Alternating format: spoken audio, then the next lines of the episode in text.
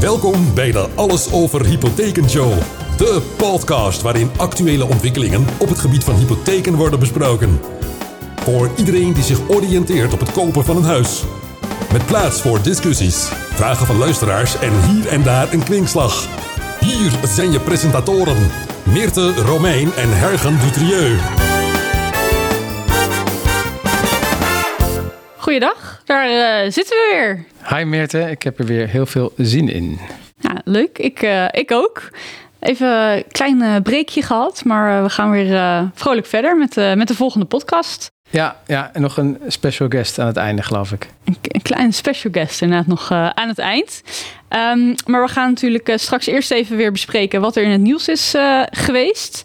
Uh, en als uh, hoofdonderwerp denk ik ook een heel uh, interessant thema. Namelijk, ja, hoe lang duurt het nou eigenlijk om, om je hypotheek te regelen? Hypotheek in een week. Hypotheek in een week, hypotheek in een dag. Nou ja, wat is, wat is mogelijk, wat is realistisch en wat komt er allemaal bij kijken?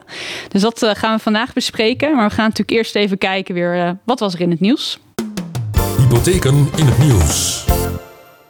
Het eerste artikel wat ik uh, tegenkwam, waar, uh, waar RTL Nieuws mee kwam. Maar ik denk dat we het uh, overal nu in het nieuws zien. gestegen rentes. ik kan minder lenen voor, voor een woning. Ja, um, ja hoe, hoe zit dat nou eigenlijk met, met de rentes? Ja, we dachten nog van ja, we gaan het niet nog een keer hebben over de rentes die stijgen, maar het, je wordt er uh, mee, nou, mee doodgegooid. Ik sta ermee op en ik ga er naar bed. Ja. En de rente is elke dag hoger. Ja, elke dag hoger, ja. ja en ik kan me nog herinneren dat uh, vorige keer zeiden we ja, uh, op, op, ik zal maar zeggen, aanraden van een macro-econoom. Het, het, het, ergste hebben we nu wel gehad, maar zijn ze nog weer verder doorgestegen, echt fors. Dus ja, verdient een plekje hier om toch bij stil te staan. Ik had een rekensommetje gemaakt. Als je nou kijkt naar... Uh, ja, vertel, ja, vertel. Ja. Herg heeft een rekensommetje gemaakt. Uh, als je nou de, de rentes van januari neemt... Um, en die vergelijkt met de rentes nu... dan zou je eigenlijk willen dat de huizenprijzen met 20% moeten dalen... om nog steeds dezelfde maandlasten te hebben. Dus dat is echt wel fors. Dat is wel heftig. Maar je kan het ook relativeren. Want de rentes staan historisch gezien niet heel hoog. Nee, nee als je kijkt inderdaad wat natuurlijk in de afgelopen jaren is geweest... of nou, nog daarvoor dat het natuurlijk ook uh, echt nog wel eens hoger is geweest dan dat het nu is. Ja, dus, dus en wat dat betreft uh, nog steeds denk ik gewoon genoeg kansen. Um, maar ja, het is uh, gegeven. Het is flink gestegen. volgende keer gaan we het er weer over hebben mogelijk. Ja, nee, het is denk ik van, wat was het, januari was het, nou, zat natuurlijk echt onder de 2%. Ook als je langer de rente wilde vastzetten. En we zitten nu gewoon echt boven de 4% inmiddels. Dus dat is wel hard gegaan. Maar inderdaad, ja, het, is, het is nog geen 13% wat het ooit is, uh, is geweest. Dus uh, nou ja, goed, hopelijk zwakt het weer een beetje af. Dat zou denk ik ook prettig zijn. en het is natuurlijk ook een beetje de vraag, ja, wat voor effect heeft het op de woningmarkt? Um, volgende artikel, of nou, artikel, onze eigen starterbarometer yes. van, van Visie. Daar ja. kan jij me volgens mij wat meer over vertellen. Ja, nee, die startersbarometer is echt interessant. Uh, dat is uh, ons eigen onderzoek met een onafhankelijke panel. En wat je daar eigenlijk ziet is dat het sentiment bij starters, wat we dan meten, dat daalt en dat daalt kwartaal op kwartaal. Uh, nu denkt nog maar 11% van de starters dat ze de komende 12 maanden een huis kunnen kopen. En voor de komende vijf jaar denkt 90% dat het heel moeilijk blijft op de woningmarkt. En, maar is dat dan vooral rente of is het nog steeds ook woningprijzen? Ja, het kan natuurlijk zoveel gebeuren in vijf jaar tijd. Maar het gaat vooral om het sentiment dat die starters denken... ja, het is gewoon uitzichtloos. Uh, of de rente nou daalt of stijgt, of de huizenprijs iets doet... het was voor mij uitzichtloos en dat blijft het ook de komende vijf jaar. Um, het is ook wel interessant dat uh, ongeveer de helft ervan... geeft de politiek, of die houdt de politiek verantwoordelijk daarvoor. Dus minister Blok die riep... de woningmarkt is af een paar jaar geleden. Dat was toch een behoorlijke misser. Ja, dat is toch weer woningprotesten. Ja, ja, absoluut. Nee, het, is, uh, het is natuurlijk wel. Uh, nou ja, we zitten zelf in de gunstige situatie dat we allebei een woning uh, hebben. Maar naast als je nu als starter. Ik kan me wel voor, er iets bij voorstellen dat het sentiment ja. leeft. Ja, ja, absoluut. Ja, ik kwam nog een ander artikel tegen bij, bij Nieuwsuur over het uitstellen van de omgevingswet. kan jij daar wat meer over vertellen?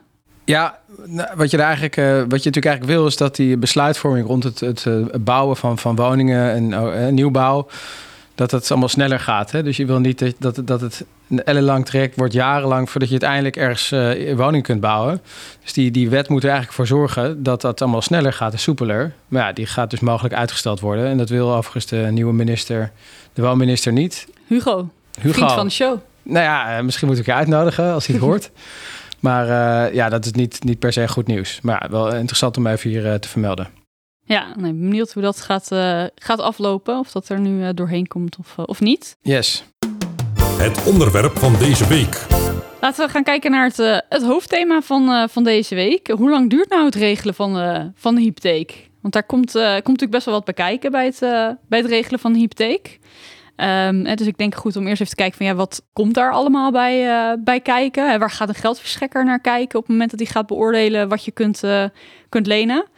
en dat zijn natuurlijk eigenlijk twee hoofdonderwerpen. En dat is één, nou, hoeveel kun je lenen op, op je inkomen. Ja. En dus daar moet je allemaal gegevens over aanleveren. Een salarisstrook, een goed ingevulde werkgeversverklaring. Um, en ook wordt er gekeken naar uh, de woning die je, die je gaat aankopen. Ja, onderpandcheck. Onderpandcheck, taxatierapport uh, die daarvoor moet worden, worden aangeleverd. Koopovereenkomst moet worden getekend. Dat zijn eigenlijk de twee hoofdchecks die ja, worden gedaan door een, door een geldverstrekker. Um, maar ja, hoe lang, moet, hoe lang zou dat nou moeten duren? Op zich zou je denken, dat kan je wel eventjes snel uh, checken. Ja, nee, dit is... Uh, ik kan me nog herinneren dat een, uh, een grote bank met een R... een reclamecampagne had hypotheek met een week. Of hypotheek binnen een week. En dat was toen, zeg maar, zou dat dan heel snel moeten zijn. Maar het, het, kan alle kanten op gaan, toch, Meerte? Je kunt het binnen een paar dagen rond hebben. Maar het kan ook echt het weken, ook weken, duren. duren. Precies, ja. ja. dus ik denk dat daar nou, het belang van, van goede voorbereiding wel cruciaal is. En, en wat, ja, wat is dan goede voorbereiding? Ja, uh, nou, ik zou, ik zou in ieder geval zeggen dat, dat je zorgt dat je alles helemaal start klaar hebt. Dat je precies weet wat je moet doen. Uh, dat je met, uh, met adviseurs of met, met een geldverstrekker al gesproken hebt. Dat je kunt zeggen, oké, nu heb ik een huis gevonden om te kopen. Of nu wil ik die financiering gaan starten. Ik hoef alleen maar op de knop te drukken of ik weet precies wat ik moet, moet aanleveren. Dan kan het op zich snel gaan. Ja, uh, ik krijg natuurlijk ook heel vaak mensen aan de telefoon en inderdaad vragen van ja, hoe, lang, uh, hoe lang duurt het? Maar je merkt gewoon heel erg dat een hypotheekaanvraag ook afhangt van ja, hoe snel iemand uh, zelf zijn documenten aanlevert. want uiteindelijk zal ik er alles aan doen om het zo snel mogelijk voor elkaar te krijgen. Um, maar soms zit je heel lang te wachten totdat iemand een goede werkgeversverklaring aanlevert. die daar achteraan moet zitten bij zijn werkgever. Ja, en dat is ja, helaas toch iets waar ik geen invloed op, op heb maar ja, daar kan je zelf natuurlijk wel voor zorgen dat je alles al hebt, uh, hebt klaarstaan. Um, hè, dat je net precies weet wat er nodig is en dat dat uh, nou, zo snel mogelijk wordt, uh, wordt aangeleverd. Ja, ja en, en natuurlijk geldverstrekkers zelf. sommigen hebben het druk of hebben een personeelsbezetting niet op orde. Nou, dan kan het zomaar flink oplopen. Ja, dat is ook grappig. Hè? Wij hebben natuurlijk op onze website houden we dat ook allemaal bij. Hè? Van hoe lang doet elke geldverstrekker erover ja. om zijn hypotheek rond te krijgen. Uh, om de checks te doen. Dus dat als alle documenten eigenlijk compleet bij een geldverstrekker liggen, dan gaat de geldverstrekker namelijk ook pas echt kijken. En willen we jou de hypotheek geven? Ja, en dat loopt uiteen van partijen die daar één, twee dagen over doen, tot partijen die voordat ze überhaupt gaan kijken, ben je drie weken verder. Ja, dat is natuurlijk echt een heel groot verschil. Ja, dat, dat kan ook eigenlijk niet, hè? Uh, zou je zeggen in deze tijd. Uh... Ik vind het altijd een beetje frustrerend als ik zo lang moet wachten. Ik heb, ik, uh, heb zelf niet zoveel geduld. Ja, ja, en complexiteit speelt natuurlijk ook een rol. Dus als jij voor het eerst een huis koopt, heb je nog geen uh, of beperkt financieel verleden. Dan zal het waarschijnlijk wel wat sneller gaan dan wanneer je nou, misschien uh, drie ondernemingen hebt en voor de derde keer je huis verkoopt of uh, koopt en nog een huis wil verkopen. Dan zullen er wat meer checks en balances moeten worden gedaan. Ja. Ja, het is vooral zo dat je dan gewoon een stuk meer documenten nodig hebt. En zeker als ondernemer is dat zo. Ja, dan zijn er veel meer documenten om te checken, die ook vaak wat complexer zijn. Hè. Jaarcijfers aflezen is moeilijker dan een werkgeversverklaring bekijken. Ja. ja. En dan duurt het gewoon al snel ja, weer wat, wat langer. Ja, ja en, en als je kijkt naar de, naar de sector, dus die hypotheeksector, financiële sector, zie je ook wel dat innovatie eigenlijk ontbreekt. Je zou het doorsturen van fysieke documentjes, wat er nu gebeurt, dat gaat dan wel allemaal digitaal. Dat gelukkig wel, niet meer per post. Nee, dat niet meer. Nee, niet meer de fax die, uh, die nu ergens nog afgaat. Weet je, weet je wat een fax is trouwens? Ja, ik, weet, ik weet wel wat het is. Dat, zag je, dat zie je vaak bij notariskantoren. Die hebben nog een fax oh, ja, staan. Maar kunnen, ja. ik heb nog nooit een fax gebruikt, nee, moet, nee. Ik, uh, moet ik bekennen. Nou, in ieder geval, uh, dat, dat hebben we gelukkig niet meer. Maar uh, nou ja, je kunt natuurlijk via, via brondata. Dus dan haal je gegevens op bij de overheid of, of je bankgegevens. En daar zou je eigenlijk al die informatie uit kunnen halen. Om zo'n check te doen, zo'n financiële check. Um, en je ziet ook wel dat er wel partijen zijn in die sector, in de, de hypotheeksector, die graag daar wel versnelling willen brengen. Maar uiteindelijk heb je een hele keten nodig die er meewerkt. En ehm, ja, ik denk, je hebt ook vooral de grote banken nodig. En die hebben wel andere dingen aan hun hoofd. Dus die zijn er helemaal niet mee bezig om dat proces te verbeteren. die sturen liever nog gewoon nog. Uh, als er een, uh, toen corona kwam, uh, ging iedereen nog een extra pdfje opvragen om daar wat informatie over in te zetten als klant. Ja, het, het, wordt allemaal heel erg afgedekt op op die manier inderdaad. Ik denk wel dat een voorbeeld wat je van de laatste tijd natuurlijk wel steeds meer ziet, is uh, dat je met zo'n uh, een inkomensverklaring kan werken. Hè? Dus dat je inderdaad niet meer echt een werkgeversverklaring nodig hebt, maar dat je op basis van het, uh, van het UWV-verzekeringsbericht, dat er gewoon een berekening gemaakt kan worden van hoeveel ja, inkomen krijg je. Wat natuurlijk al een stap voorwaarts is. Want bij een werkgeversverklaring worden nog wel eens wat vakjes vergeten in te vullen. Of staat er net weer een getalletje verkeerd en moet het toch weer opnieuw. Uh, maar er zijn natuurlijk veel meer, meer voorbeelden hè, van dat er geautomatiseerd kan worden. Hè. Waar, waarom is het zo moeilijk om je een duo aan te leveren? Dan kan je, dan kan je niet eens een normale download maken van de duo. Laat staan dat er iets digitaal wordt doorgegeven. Ik proef hier wat frustratie mee. Ik wat ja, ja. ja, het is soms heel frustrerend, ook voor eh, klanten, dat je dan vraagt ze, ja, waar zit de downloadknop? Zeg ja, nee, dat weten we, die bestaat niet. Maak maar even 12 print screens hoe het eruit ziet. En dat moeten we dan bij een geldverstrekker aanleveren. Ja. ja, dan gaat er gewoon wel eens wat fout. Eh, terwijl het er natuurlijk allemaal gewoon ook op een heel andere manier zou kunnen. Ja, maar gelukkig kun je wel overal nu digitaal tekenen, toch? Dus dat is dan wel weer een, uh, een flinke innovatie in de hypothekenwereld. Nou, breek me de weg niet over, wil ik zeggen. nou ja, dat is ook, dat kwam natuurlijk tijdens corona een beetje op. Hè, want eigenlijk voor corona was het altijd de norm dat je altijd uh, je de papieren die je van een geldverstrekker kreeg echt moet uitprinten. Met je hand een handtekening de moet natte handtekening. De natte handtekening. Ik had nog nooit van dat woord gehoord, maar de natte handtekening. Prachtig. Uh, en daarna moet je het weer gaan inscannen. Nou, gelukkig tijdens corona de natte handtekening wordt ingescand. kwamen heel veel partijen erachter van het is toch lastig als mensen niet meer op kantoor werken. De meeste dertigers hebben op een of andere manier geen printer meer in huis. Uh, dus dan uh, kon het wel steeds meer dat je digitaal kon, uh, kon ondertekenen. Maar er zijn nu nog steeds best wel veel geldverstrekkers die zeggen... nee, nee, dat, is, dat doen wij niet. Dus je moet nog steeds ja. printen. Goed voor het milieu. De riskafdeling zegt dat kan niet. De ene kan het wel, de ander niet. dat je het beter leest, ja. denk ik, als je het uitgeprint hebt. Ja, dat zou kunnen, ja. Nou, ja, moet dat met je denken aan mijn vader... die ook altijd al zijn mails uh, uitprinten... waar ik nooit zo de nut van in zag. Maar, maar nu begint uh, een beetje te begrijpen. ja, dat is, dat is dus echt... Ja. dus je kunt je voorstellen als je dit hoort... denk je, ja, waarom kan ik niet gewoon zeggen... doe mij bank of geldverstrekker A voor die rente... en morgen is het klaar. De, ja, komt iets meer bij kijken. Natuurlijk kan het soms complex zijn... maar het zijn ook gewoon allerlei... Ja, er zou nog meer uh, efficiënter kunnen worden gedaan. Ja. Ik denk dat wij natuurlijk al heel veel proberen te doen om alles zo snel mogelijk te maken. Ja. We, we, hebben natuurlijk ook uh, hier, mijn collega's hier werken die uh, zorgen dat ze alle documenten allemaal netjes checken voordat we alles doorsturen. Dan merken we dat het uiteindelijk wel sneller gaat, het proces. En dan dat je alles maar over de schutting gooit. Maar ja, de, first time right noemen ze dat first toch? First time right, ja. Dat is een mooie, uh, mooie term. Ja, als je alle documenten in één keer goed hebt aangeleverd. Dan krijg je een medaille. Krijg je sticker, ja. Ja, precies, ja. Ja, maar goed, hoe, ja, en qua politiek, hè, dan denk je dat die nog daar iets in zouden kunnen doen om te zorgen dat het sneller gaat of in de toekomst sneller zou gaan? Ja, ik, ik, volgens mij staat het helemaal niet op de politieke agenda. En ik moet dan uh, even denken aan een uh, minister Dijsselbloem, voormalig, dat is weer een tijdje geleden. Volgens mij speelde dat in die, die campagne toen van hypotheek binnen een week mm -hmm. uh, van, van die grote bank. Dat, uh, dat mocht op een gegeven moment niet meer. Van, nee, je mag niet mensen dat, dat beloven, want was de argumentatie dat zijn impactvolle beslissingen. En daar moet je heel lang de tijd voor kunnen nemen. Ik geloof dat de minister dat zelf ook altijd deed via zijn financiële mannetje. Uh, dus het is niet goed als je heel snel je hypotheek kunt regelen. Ja, dat is, dan sla je de plank denk ik behoorlijk mis. Nou, ik denk zeker in, uh, in huidige tijden. En we hadden het net al over de rentestijgingen.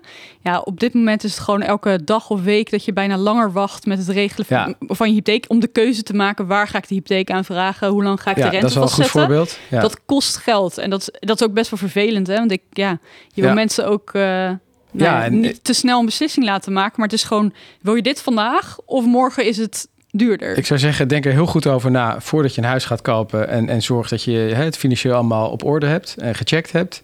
Dat je helemaal start klaar staat. Het is een Ja. beetje van ja, als jij naar de Olympische Spelen wil gaan, maar je gaat een maand van tevoren checken eh, hoe je ook weer kon kwalificeren. Ja, dat werkt niet.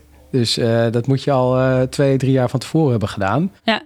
En dan moet je daarna gewoon eh, als eh, atleet gewoon helemaal klaarstaan om eh, je beste prestatie te leveren. Ja, nee, dat heb ik ook als wat mensen bellen dat ze van, oh ja, ja, misschien is het nog een beetje vroeg, want we hebben nog helemaal niks. Het is, het is juist eigenlijk bel je al te laat op het moment dat je al gekocht hebt. Het is juist heel goed om, ja, goed van tevoren te weten wat je kan, om alles klaar te Ja. hebben staan, adviseur te hebben uitgezocht en niet dat nog te moeten gaan doen nadat je een woning hebt eh, gekocht. Nou, ik denk mooie conclusie. Be prepared. Be prepared. Dat, eh, dan gaat het allemaal het snelst. De vraag van de luisteraar. We hebben ook weer een mooie vraag binnengekregen deze week van Siska. Dus eh, laten we daar even naar gaan luisteren. Is het handiger om op dit moment eerst mijn huidige woning te verkopen of juist mijn nieuwe woning eerst te kopen? Ik vind het een hele interessante vraag. Ook best wel een lastige vraag om eh, echt iets, eh, Ontzettend lastig. iets zinnigs Ja. over te gaan zeggen. Dit kan je nooit. Je kunt niet zeggen, je moet het een of het ander doen. Nee, het is, ik denk, Dus we wij- komen natuurlijk een beetje uit een tijd waarin het antwoord denk ik wat simpeler was. Dat was namelijk altijd koop eerst een nieuwe woning, want het is ontzettend moeilijk om Ja. een nieuwe woning te vinden. Eens. Weinig nuance En nodig. het is heel makkelijk om je woning te verkopen. Hè? Gooi hem op Funda en hij is weg. En nu zien we dat toch eh, wat aan het omslaan eh, is wat dat betreft. Lijkt. Ja, ja. ja, het hangt echt van je situatie af, denk ik. Eh, als jij eh, de, de verkoopwinst uit je huis echt nodig hebt om de volgende woning te kunnen kopen, ja, misschien moet je dan toch maar je huis eerst verkopen. Dan weet je in ieder geval zeker wat je ervoor krijgt. Ja, dat is natuurlijk echt het- prettige daaraan Ja. is. Dan heb je in ieder geval geen onzekerheid daar, Precies, daarover. ja. Heb je ja, een goed gevulde bankrekening, heb, heb, je, heb je dat geluk, dan is het misschien wat minder aan de orde en kun je daar afwachten. Maar eh we hadden het laatst nog over. Hè? Stel je voor, je hebt een nieuwbouwwoning gekocht. eh, nou ja, ik noem het wat, eh, kwartaal of in de herfst. die kwam er even tussendoor. Dat was, dat was Hugo, volgens mij. Ja. Hey, Hugo, ik kom zo even bij je terug. Ik zit even met Meert in een podcast. Het is een kwestie van prioriteiten. Ehm, waar waren we gebleven? Nieuwbouwwoning. Nieuwbouwwoning. Ja, dus je hebt, stel je voor het herfst vorig jaar je nieuwbouwwoning gekocht. En eh, je dacht, nou, ik ga echt eh, kassa als ik mijn huis verkoop. Eh, je hebt er ook nog rekening mee gehouden hè, voor de financiering ervan. En dat gaat tegenvallen. Dan kan ik me voorstellen dat je nu zenuwachtig wordt. En misschien toch zegt, maar mijn huis verkopen. En dan, eh, ja, dan maar komende jaar, anderhalf, twee jaar even huren. Ja, ja, dat is natuurlijk wel nadeel als je eerst koopt. Ja, het is, je weet ook niet hoe snel je inderdaad weer iets, eh, iets nieuws vindt. Ja, ga je dan inderdaad tijdelijk, eh, tijdelijk huren. Dat brengt natuurlijk ook weer kosten met zich, eh, met zich mee. Ehm, wat ook wel een nadeel kan, eh, kan zijn, op het moment dat je eerst je woning gaat verkopen. ehm, en wat bij heel veel mensen op dit moment interessant is om naar te kijken, is of je je rente kunt meenemen naar een eventuele eh, nieuwe woning. Want er zijn natuurlijk veel mensen die hebben Ja, misschien heb je misschien vijf jaar geleden een woning gekocht? Nou, heb je relatief hè, ten opzichte van nu natuurlijk een hele mooie lage rente. Ja, dat kan je dan wellicht meenemen naar de volgende woning. Ehm, maar daar zit wel vaak een beperkte termijn aan van hè, drie of zes maanden. Dat je dan wel binnen die tijd een nieuwe woning moet hebben. Wat een goede tip, Meert. Hè? Ja, dat Ik, eh, eh, is wel om op te letten. Ja, ik ben nu niet bezig, maar eh, dit vind ik wel een hele scherpe. Ja, nee, dat is zeker nu helemaal hot en happening. hypotheekrente meenemen. Ja, dus eh, ja, misschien dat we dit nog een keer, deze vraag, eh, kunnen laten terugkeren. Maar voor nu, Ja, het is denk ik gewoon afhankelijk van je persoonlijke situatie en ook waar je jezelf prettig bij, eh, bij voelt nu. Dus nu ja, niet iets heel nuttigs over te zeggen. Ik hoorde ook iemand zeggen, ja, misschien moet je nu nog snel verkopen en dan wachten tot de markt instort. Ja, dat is natuurlijk gewoon speculeren. Dat, eh, dat is die oom op het feestje ja. met het goed advies. Ja. ja, goed, dat valt gewoon natuurlijk niet, niet te zeggen. Yes, bespreek het met je adviseur. Nee, zeker. Ehm, nou, dat was het alweer voor, eh, eh, voor deze keer. Maar Behalve- niet Nee, voordat ja. we onze eh, gast eh, eh, hebben gehoord. Want we hebben een eh, gast, onze collega Martijn. Ja, leuk om hier te zijn, Meerte. Welkom, Ja, welkom. Ontzettend leuk. Ja, want jij had nog een, een speciale aankondiging, begreep ik. Ja, nou, ik doe eh, bij Visie de, de media, dus daar valt de podcast ook onder. Dus ik luister eh, extreem kritisch naar deze podcast elke week. Maar ik vind hem ontzettend leuk. En het eh, goede nieuws is dat er ook heel veel luisteraars hem eh, erg leuk vinden. Dus eh, als jullie ook willen, dan gaan we gewoon door volgend seizoen na de zomer. Nou, kijk elkaar even aan. Ik laat meer het eerst. ik laat meer het eerst hoor. Nee, ik vind het hartstikke leuk. Yes. Lekker gezellig. Hartstikke leuk eh, om, eh, om door te gaan. Eh, en ik blijf gewoon eh, trouwe luisteraar. Helemaal goed. Nou, dat is mooi. Dus we gaan even een, eh, een zomerstop houden. Maar dan eh, komen we weer vol frisse moed terug na de zomer. Helemaal goed. Nou, blijf vooral eh, als je vragen hebt die, die insturen. Dat kan naar, eh, ehm, Ja, dan gaat hij toch weer mis. eh, kan naar ons eh, e-mailadres. eh hypothekenshow.visie.nl En visie natuurlijk met V-I-I-S-I. En dan kunnen we daarna de zomer weer vol mee aan de, aan de slag.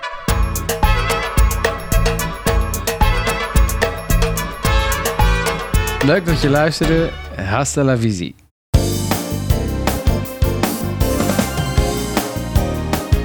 Dit was de Alles over Hypotheken Show. Met Meerte Romein en Hergen Dutrieu van Visie Hypotheken. Ga voor meer info naar visie.nl met een V en dubbele I. Of volg ons in je favoriete podcast app.